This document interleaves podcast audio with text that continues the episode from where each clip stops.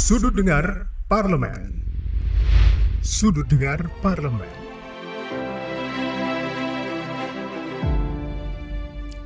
Halo, apa kabar? Kembali lagi di Sudut Dengar Parlemen, tentunya bareng Nadia Kanaya.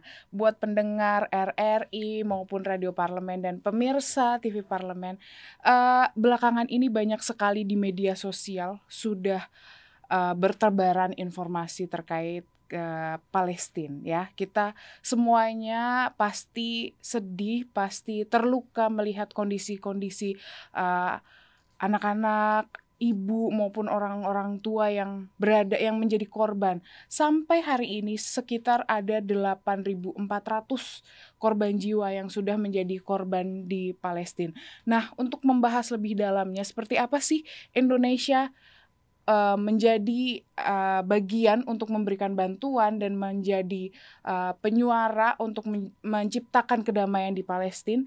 Saat ini Nadia sudah bersama Ketua GKSB DPR RI untuk Palestina Bapak Syahrul Aidi Mazat. Selamat pagi, Assalamualaikum Bapak. Waalaikumsalam warahmatullahi wabarakatuh. Kemarin saya sempat melihat bagaimana Bapak bersemangat membagikan uh, shawl, shawl yang itu sebagai tanda kalau kita mendukung yeah. Free Palestine. Iya, yeah, solidaritas ya. Solidaritas untuk Palestina. Uh, bagaimana Pak Bapak melihat kondisi parlemen di tengah mau pembukaan masa sidang, kemudian antusias anggota-anggota uh, DPR dalam memakai uh, shawl itu, Pak? Ya, Bismillahirrahmanirrahim. Assalamualaikum warahmatullahi wabarakatuh.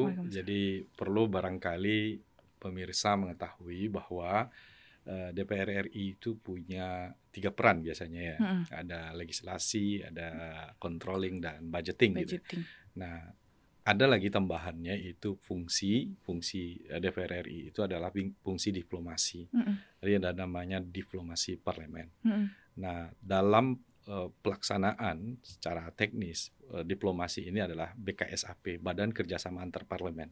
Nah, fungsi eh, diplomasi ini ada sifatnya bilateral, ada multilateral. Nah, yang bilateral kebetulan BKSAP membuat di bawahnya itu ada namanya GKSB. Ada 102 negara.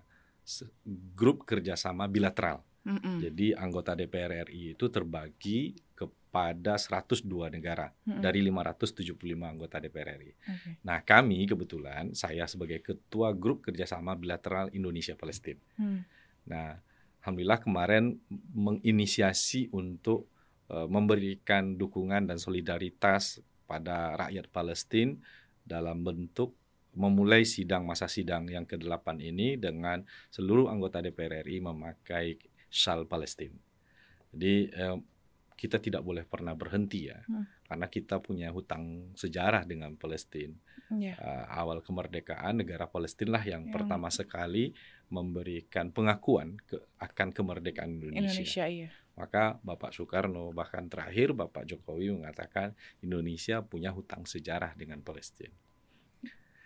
Dan kita eh, dalam un pembukaan Undang-Undang Dasar kita menyatakan bahwasanya penjajahan itu adalah eh, kita menolak penjajahan dan kemerdekaan itu adalah hak, hak segala bangsa. bangsa. Berarti kalau kita belum sukses me mengantarkan uh, Palestina ini merdeka, tujuan bernegara kita belum tercapai gitu. Yeah.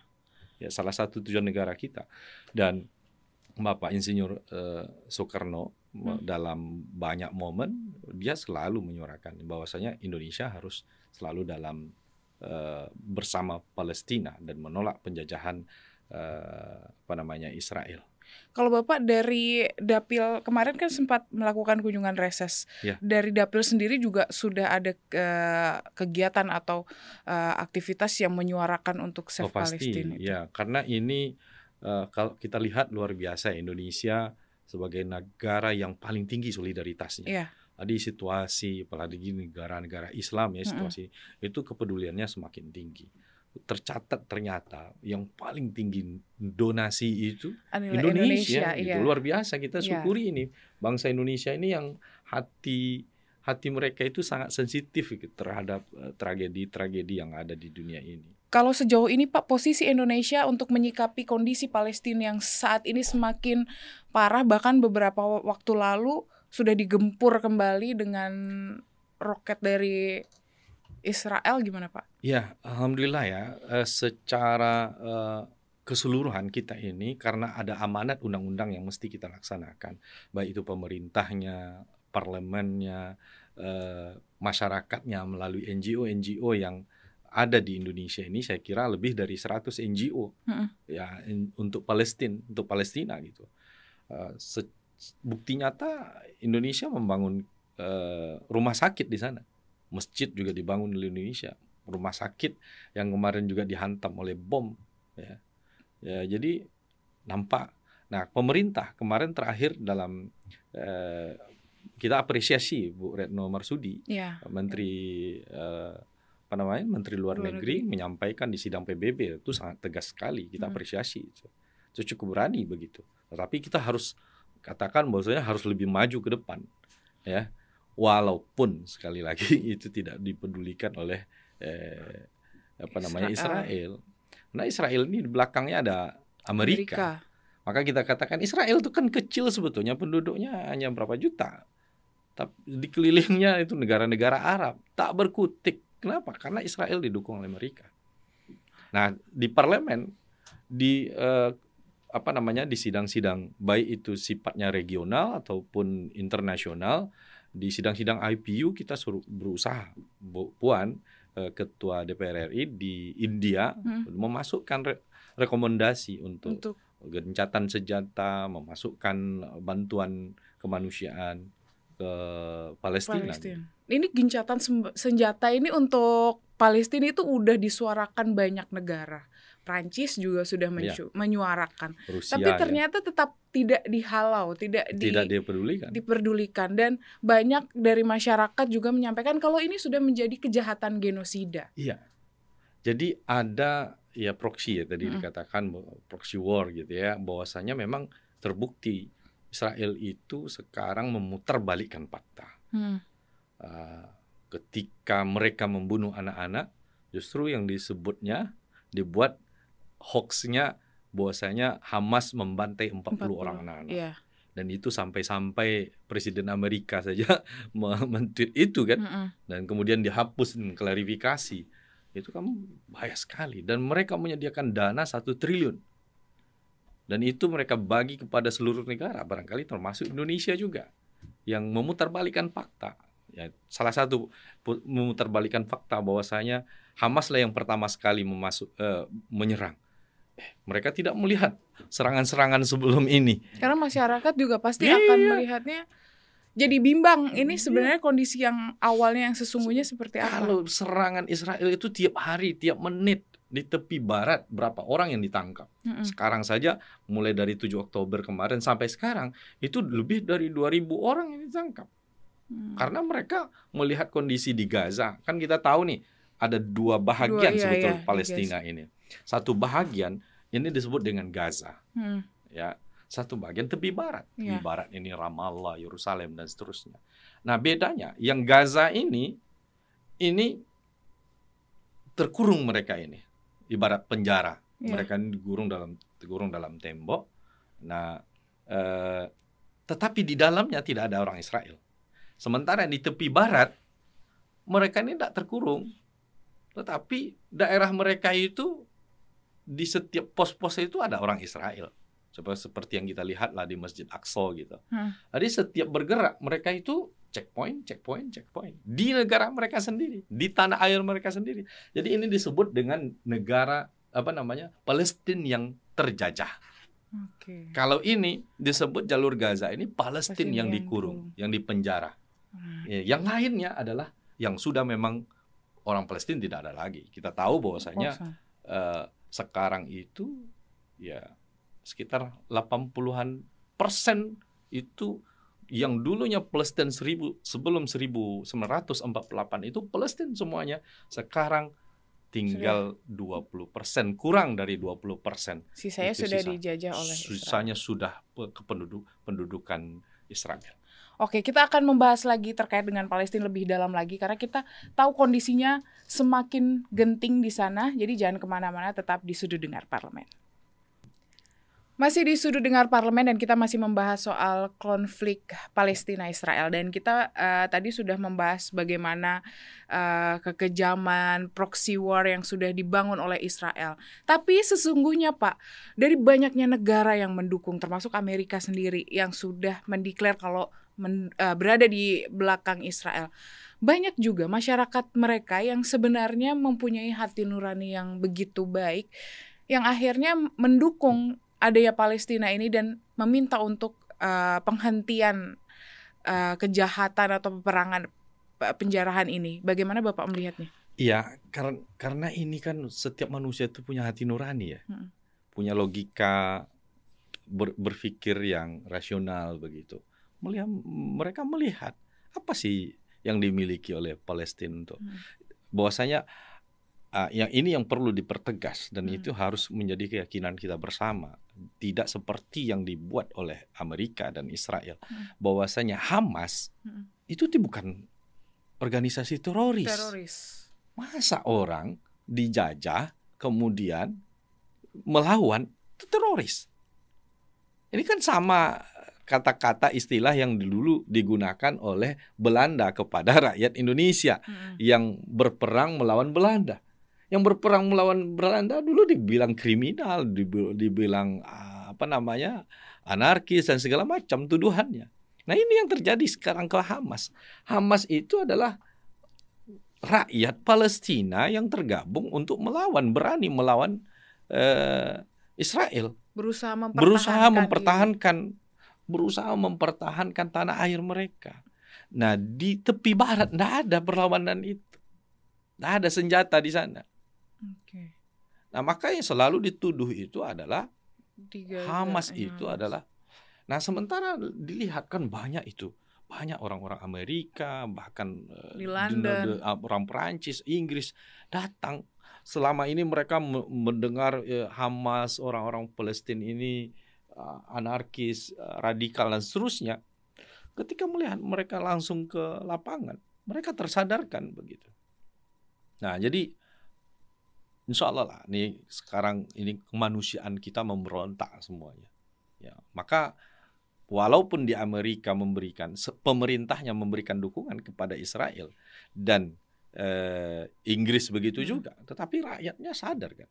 Tapi di Indonesia sendiri ada terpisah dua sudut pandang ini. Sebetulnya maka kita katakan kita tidak setuju setelah sebetulnya konflik. Tapi ini adalah bahasa yang paling tepat itu adalah penjajahan Israel terhadap Palestina. Penjajahan Israel terhadap Palestina. Karena sebelum 1948 Israel kan tidak ada. Mungkin banyak masyarakat yang ya tadi untuk uh, proxy war ini kan sudah dimulai. Yeah. Masyarakat kan tidak semuanya mengusut dari awal mulanya, Pak, dan me, akhirnya mengambil poin dari informasi-informasi. Artinya seperti apa uh, kita menyikapi kondisi ini untuk menyamakan visi uh, memberikan yang terbaik bagi Palestina gitu. Ya, makanya uh, salah satu perjuangan kita itu adalah menyebarkan berita yang benar tentang Palestina dan jangan mengambil dari berita yang salah. Gitu ya. Semudah share story di Instagram itu iya, menjadi salah satu menjadi salah satu cara ya. Cara. Karena kan kita punya teman, punya apa namanya viewer, ya eh, teman di media sosial kita akan benar gitu dalam kondisi ini kita tidak membahas soal agama kan ya Pak. Kita oh, membahas oh, iya. soal kemanusiaan, kemanusiaan ini. Dan perlu diingat bahwasanya yang namanya Yahudi hmm. atau Israel itu Zionis sebetulnya yang lebih hmm. tepat ya. Lebih tepat itu Zionis.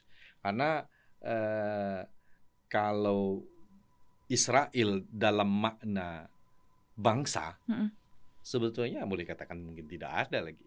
Hmm ya kan Israel dalam konteks nama sebuah negara yang yeah. mereka katakan Yahudi ya tidak, tidak semua Yahudi kan kita saksikan juga di banyak video bahwasanya orang-orang Yahudi tidak mengakui itu sebagai negara mereka ini adalah propaganda yang dilakukan oleh Inggris memberikan me, menggunakan agama untuk negara. Mm -mm. Nah, yang perlu kita ingat bahwasanya mereka-mereka ini adalah orang yang memahami ras ras bahwasanya ras mereka itu paling istimewa sehingga memandang ras lain itu atau agama lain itu itu di bawah mereka. Mereka, iya. Nah, maka kita lihat video ada orang dari Asia ini membawa salib uh, di uh, di Yerusalem itu diludahi oleh orang-orang Yahudi yang Zionis ini.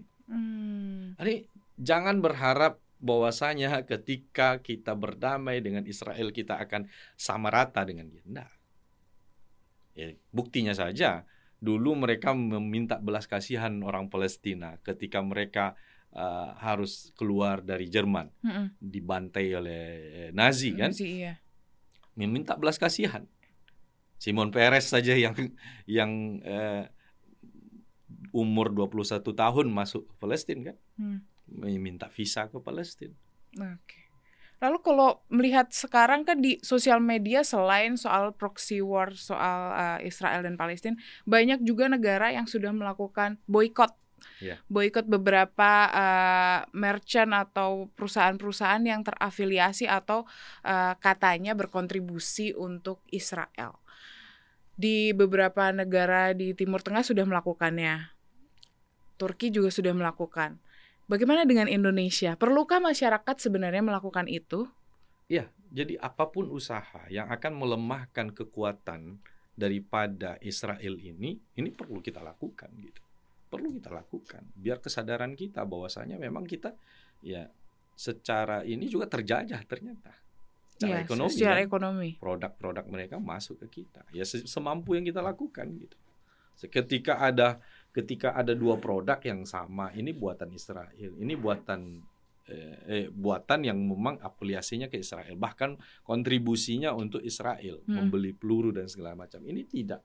Kenapa kita harus membeli ini? Kenapa tidak beli yang alternatif itu? Gitu. Ya, yang lokal produk Iya lokal. loh, apalagi produk lokal gitu kan. Berarti informasi terkait produk-produk mana sih yang sebenarnya lokal yang harusnya kita uh, pergunakan dan Ya. mana produk pendukung Israel itu juga harus Ya, di- diinformasikan lebih masif lagi ya kepada masyarakat ya. Ya, saya lihat eh, teman-teman di NGO Mm-mm. Palestina ini sudah banyak menyebarkan itu. Memang secara parlemen kan tidak etis juga kalau kita yang menyebutkan. Mm-mm. Biar sajalah ah, NGO-NGO. Maka ini harus secara komprehensif ya. Ada pemerintahan, pemerintah tentu dengan caranya menjalankan eh, usaha untuk perjuangan bagi rakyat Palestina dan kami di legislatif juga begi- begitu ya menyuarakan di sidang-sidang eh, parlemen baik itu IPU misalnya di OKI-nya di AIPA-nya dan seterusnya dan juga masyarakat berbuat gitu. Oke, kita masih mau bahas lagi nih Pak soal Palestina, tapi kita harus break sejenak. Kita mau bahas perdalam lagi sebenarnya nanti apa sih eh, yang harus yang akan dilakukan DPR RI khususnya untuk Palestina. Jadi jangan ke mana-mana, tetap di sudut dengar parlemen.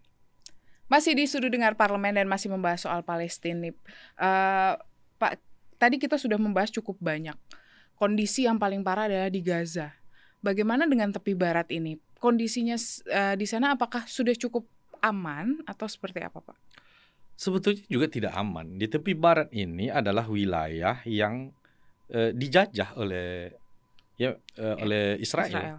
Memang masyarakatnya tinggal di rumah makan eh, makan seperti biasa. Tapi ingat bahwasanya setiap sudut itu ada tentara Israel gitu. Itu mereka dalam pantauan, Dalam pantauan. dalam setiap gerakan Iya mereka. betul. Maka mereka tidak ada bisa mempersiapkan eh, senjata, menyusun strategi, nggak bisa di sana. Karena setiap sudut itu ada ada tentara Israel. Beda dengan di Gaza. Gaza itu memang orang tentara Israelnya tidak masuk ke dalam wilayahnya. Mm-mm. Cuma mereka terkurung. Nah itu hebatnya Hamas bisa dalam kondisi seperti itu Tetap mereka bisa berusaha. mempersiapkan pasukan begitu ya. Hmm. Nah di di tepi barat ini ya mereka mungkin untuk makan minum ya bisa karena mereka bisa juga eh, keluar masuk ke Jordan misalnya Hmm. t- di eh, perbatasannya. Tapi untuk masuk keluar itu juga checkpointnya luar biasa. Hmm. Semuanya diperiksa begitu. Berarti walaupun ada kebebasan Terjajah. tetap tetap Nggak ada. terjajah. Boleh katakan bukan bebas juga ya. Tapi untuk makan minum mungkin mereka Jauh lebih baik daripada yang Di Gaza. berada di Gaza. Nah, maka orang mengatakan Gaza ini adalah pertahanan terakhir bangsa Dari Palestina. Palestina. Karena yang berani melawan itu orang-orang Gaza gitu. Berarti ada kemungkinan kalau memang seandainya nih dalam katakanlah dalam kondisi buruknya Gaza sampai benar-benar Ya, berarti Palestina habis.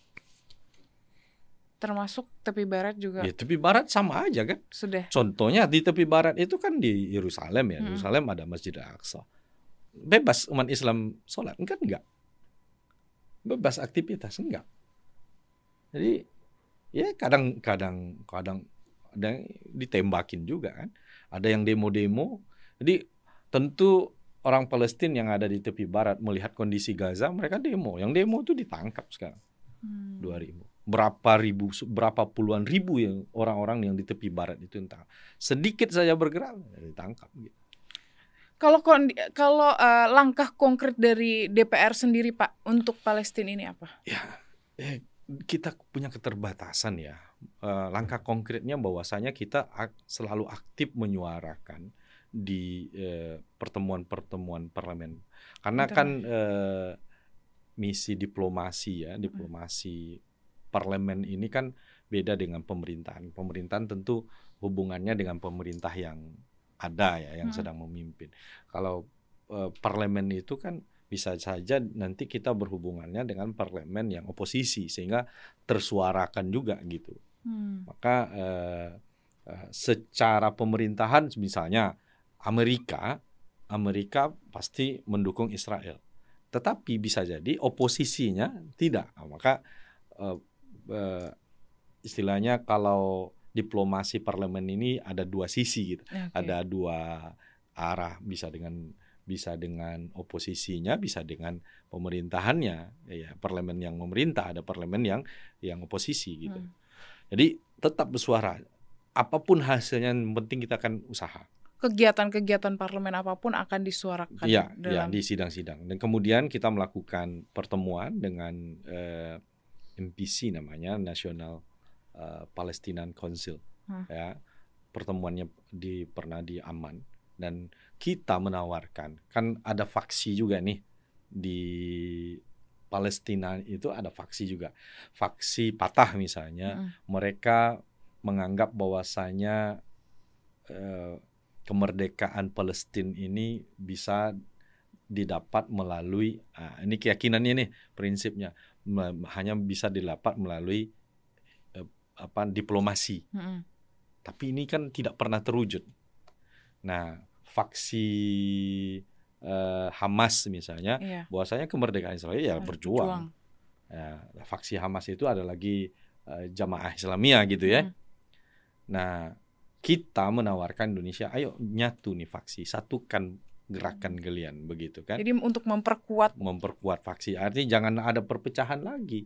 Kita bahkan menyebutkan Indonesia itu tidak per 350 tahun lamanya dijajah. Mm-mm. Nggak merdeka kecuali baru merdeka setelah ada Sumpah Pemuda. Nah, itu kita sampaikan kepada mereka bahwa Indonesia itu banyak sekali suku bangsanya. Kalian sukunya aja satu. Masa nggak menyatu? Hmm. Tapi memang sekali lagi bahwa tentu politik eh, Israel ini luar biasa melalui Amerika ini ada orang-orang yang memang ditanam untuk duduk di pemerintahan menyuarakan itu seolah-olah eh, apa namanya seolah-olah ya, itu adalah suaranya orang Palestina Mm-mm. terakhir kita eh, menyayangkan juga ya di yang Mahmud Abbas bahwa ini menyatakan bahwa apa yang dilakukan oleh eh, Hamas itu tidak mewakili apa yang dilakukan oleh eh, masyarakat. rakyat Palestina. Secara dukungan sebetulnya masyarakat. Kalau kita lihat ke bawah itu masyarakat Palestina itu itu dukungannya ke Hamas gitu. Karena Hmm. itulah aspirasi mereka bahwasanya ada pepatah Arab yang mengatakan begini al adu yahtarimul qawi wa in ghalabahu wa yahtaqirud dhaif wa in hawala madahu musuh itu akan menghormati lawannya yang kuat walaupun lawannya itu berusaha untuk mengalahkannya. Tetapi akan menghinakan temannya yang lemah akan menghina yang lemah walaupun temannya dan berusaha untuk memujinya. Artinya baru dibuat damai itu kalau sudah perang. Hmm. kalau kita kuat kita punya nego, nilai negosiasi gitu. Mm -mm. Nah itu yang sebetulnya yang dilakukan oleh Hamas. Nah saya lihat ya sedikit ya menilai usaha Fatah ini tidak pernah berhasil. Berapa banyak persetujuan, berapa banyak eh, apa namanya kesepakatan yang dibuat baik itu di PBB, baik itu di negara seperti Mesir, selalu dilanggar oleh oleh Israel karena Israel menilai Fatah ini lemah. Hmm. Nah, segannya takutnya Israel itu hanya sama Hamas dan jamaah Islamiyah gitu. Tapi Isra eh, tapi Palestina itu belum termasuk dalam keanggotaan PBB kan? Uh, belum keanggotaan penuh. Dia hanya sebagai pengamat. Ya, ya pe, uh, apa ya, peninjau Penin apa istilahnya. Oh, Oke. Okay. Pak, kalau terkait dengan bantuan sendiri seperti apa? Ya. Dari Indonesia. Bantuan ini selama ini teman-teman dari NGO-NGO ini yang saya hitung mungkin sampai 100 ya. ya itu mereka uh, kerjasama dengan NGO-NGO hmm kemanusiaan yang, ada, ada di, di Eropa. Biasanya kan NGO Eropa ini kan tekanannya lebih kuat ya mm-hmm. uh, untuk bisa masuk. Nah mereka kerjasama di sana untuk bisa uh, mereka masuk ke Gaza. Berarti semua bantuan yang yang ada dari Indonesia sudah tersalurkan tepat. Insya Allah tersalurkan. Makanya kita di GKSB juga ingin melakukan uh, apa namanya koordinasi konsolidasi NGO-NGO yang ada ini agar berkoordinasi dengan kita sehingga tidak ada tuduhan ya. Ini ada yang menuduh bahwa NGO ini akan me, nah ini kan salah paham juga akan mendanai e, teroris. Hmm. Hamas bukan teroris gitu. Hamas itu adalah organisasi pejuang, Palestina. Palestina. Ini perlu jadi catatan kita gitu. Ini inilah uh, apa namanya prinsip yang harus kita berbeda dengan Amerika.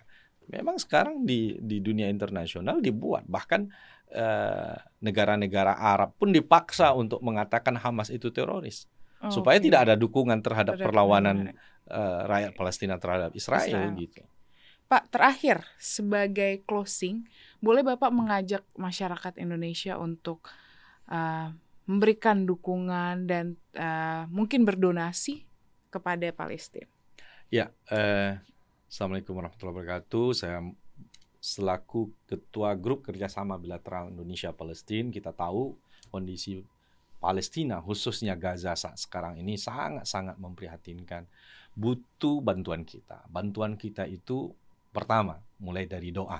Ini yang paling kecil doa untuk saudara-saudara kita yang ada di Palestina. Yang kedua adalah donasi.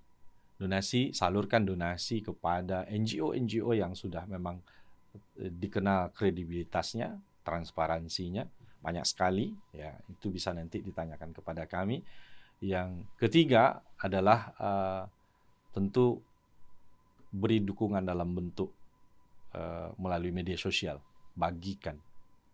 Bagikan berita-berita tentang Palestina itu. Dukungan Anda mungkin melalui profil, memakai shawl, kemudian pahami kondisinya yang secara benar. Ya, karena perlu kita ketahui Israel telah menggunakan proxy war. Ya, bahkan mengeluarkan dana sampai satu triliun untuk menggaji orang-orang yang merusak citra Palestina, memutarbalikkan fakta, menyebarkan berita hoax tentang uh, Palestina ini. Maka kita dengan usaha kita men-share kemudian mem, uh, apa namanya mengikuti berita-berita tentang Palestina ini akan menjadi dukungan. Karena yang terbentuk dalam opini ternyata di, di Eropa sana, di Barat sana banyak sekali orang-orang yang salah paham terhadap situasi yang ada di Palestina. Baik, terima kasih Bapak uh, Syahrul Aidi Mazat untuk kesediaannya hadir dan memberikan informasi terkait dengan Palestina pasti banyak sekali undangan-undangan dan uh, kegiatan yang berkenaan dengan Palestina yang yeah. harus Bapak hadiri dan kita juga teman-teman yang pengguna media sosial yang muda-muda ini yang sangat aktif sesederhana merepost dan menyalurkan melalui Instastory dukungan terhadap Palestina itu sudah sangat berarti bagi mereka. Jadi tunggu apa lagi langsung aja kita lakukan di semua sosial media yang kita punya.